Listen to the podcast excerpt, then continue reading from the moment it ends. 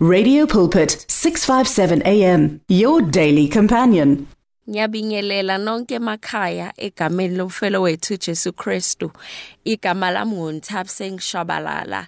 Sizothola incwadi yethu namhlanje kuJohane chapter 2 sizoqala ku1. Kwathi ngosuku lwesithathu kwakukhona umshado ekhana laseGalile wayekhona lapho unina kaJesu. noJesu nabafundi bakhe babemenyiwe emshadweni. Kwathi ukuba lisweleke iwayini unina kaJesu waya kuye kabanalo iwayini. uJesu wathi kuye mame ungene ngani kokwami na? Isikhathi sami asikaka asikafiki. Wathi unina ezincekwini nayikuphi akusho kini anokwenza? Kwakukhona lapho izimbiza zamatshe eziyisithupha zibekwe ngesiko lokuhlamba labaJuda. Ziphethe yileso naleso izilinganiso ezimbili noma ezintathu. uJesu wathezincekwini gcwalisani izimbiza ngamanzi zagcwalisa ke zathi ciki. Wayesethi kuzo yikhani manje niyise kumphathi wokudla zayisa ke. Umphathi wokudla ezwa amanzi aphenduke iwayini. Engazi ukuthi livelaphi kepha izinceku ezaziwakhe amanzi bebazi umphathi wokudla wabiza umyeni wathi kuye wonke umuntu ubeka iwayini elimnandi kuqala kuthi lapha sebephuze kakhulu akhiphe elibi kunalo wena ugcine limnandi kuze kube manje. Lokho ukuqala kwezibonakaliso wakwenza uJesu ekhana laseGalile ebonakalisa inkazimulo yakhe abafundi bakhe bakholwa nguye. iBhayibheli la sithola likhuluma ngomshado wasekhana. Uma sifunda iBhayibheli lithi iwayini laphela emshadweni.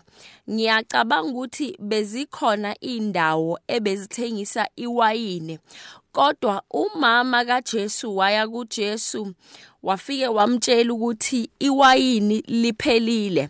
Ngivumele ngithi kuwe emshadweni kumenywa nanoma ubani.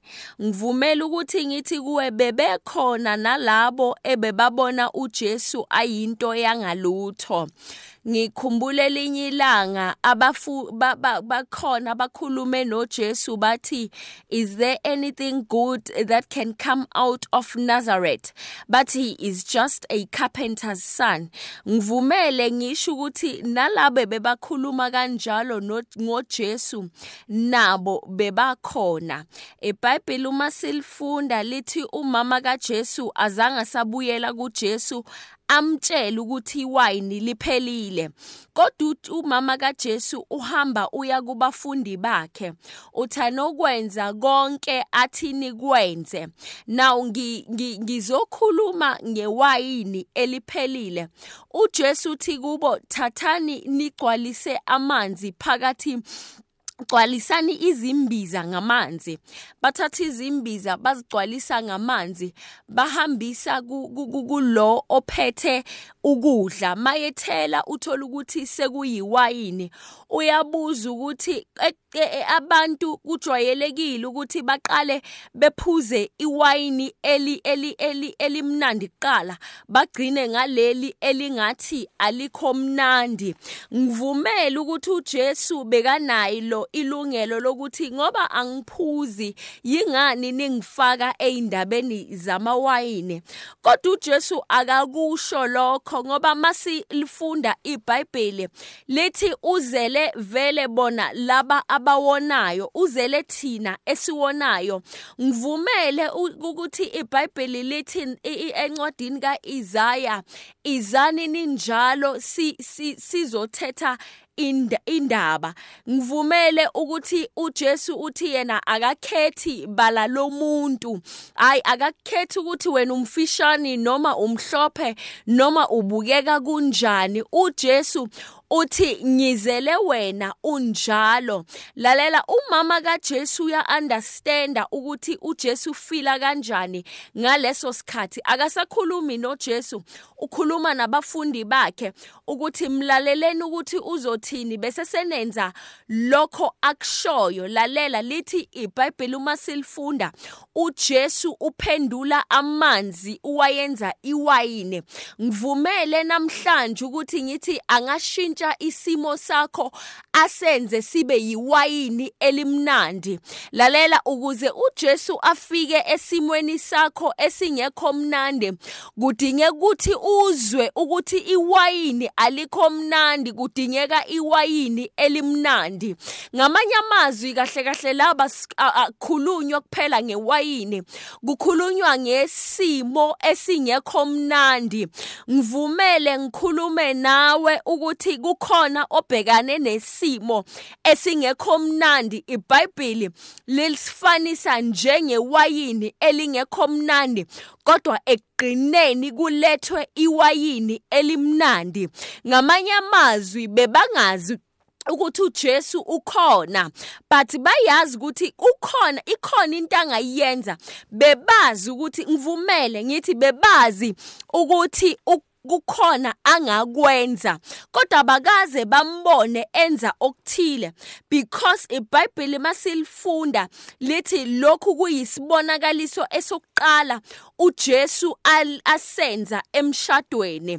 Lalela isimo sakho asidingi abantu isimo sakho asidingi amanzi isimo sakho asidingi lutho isimo sakho sidinga uJesu okwazi ukuthi aguqule amanzi awayenze iwayini. Mhlawumbe isimo sakho asikho mnandi. Mhlawumbe isimo sakho sithi yeka uphilelani. Kodwa uJesu uthi mina ngifikile namhlanje. Ukuthi ngizosula lezo inyembezi ngizozenza ukuthi zibe ukuhleka. uJesu uyafika uhlekisa abantu lalela. uJesu bekane right yokuthi asho ukuthi hambani niyothenga iwayini. Kodwa uJesu akasho ukuthi hambani niyothenga iwayini. uJesu uthi qwalisani imbiza. Hayi akukho okungenzeki kuye. Hayi lithi iBhayibheli kukhona laba besifazane ebebazitshela ukuthi bona abasazali. Kodwa ingelosi mayifika uthi okungenzeki kubantu kuye kuyenzeka. Ngizokhuluma nawe namhlanje sihlobo sami. Hayi inkosi yami wena osowuthi iwayini elimnandi angilazi. Wena osowuthi akukho kuhle kwenzeke empilweni yami. uJesu uthi namhlanje uthi ngingathena this water into wine. Wine lalela ufikile namhlanje umnini mandlonke uzokusula inyembezi lalela kuyabonakala ukuthi mhlawumbe if uJesu bekangekho bengeke baze bathole iwayini elimnandi lalela bahlala baphuza iwayini elijwayelekile abaphuzi iwayini bangazwa yile wayini elimnandi elingafani namanye amawayini. Ngiyacabanga ukuthi le wayini leli alenziwanga ngendlela amanye yenziwe ngayo. Lalela phakathi kwale wayini kunesandla sika Jehova ngiyakhuleka namhlanje ukuthi phakathi kwesimo sakho akubonakale isandla sika Jehova hayi iBhayibheli alisho ukuthi wakhuleka uJesu. Hayi iBhayibheli alibonakalisa ukuthi uJesu wabeka izandla phezukwembiza kodwa iBhayibheli lisho kunye namhlanje lithi uJesu wakhuluma amazwi wakhuluma amazwi awokukholwa. Namhlanje sizokhuluma amazwi awokukholwa kukuthi uyakholwa namhlanje noma awukholwa.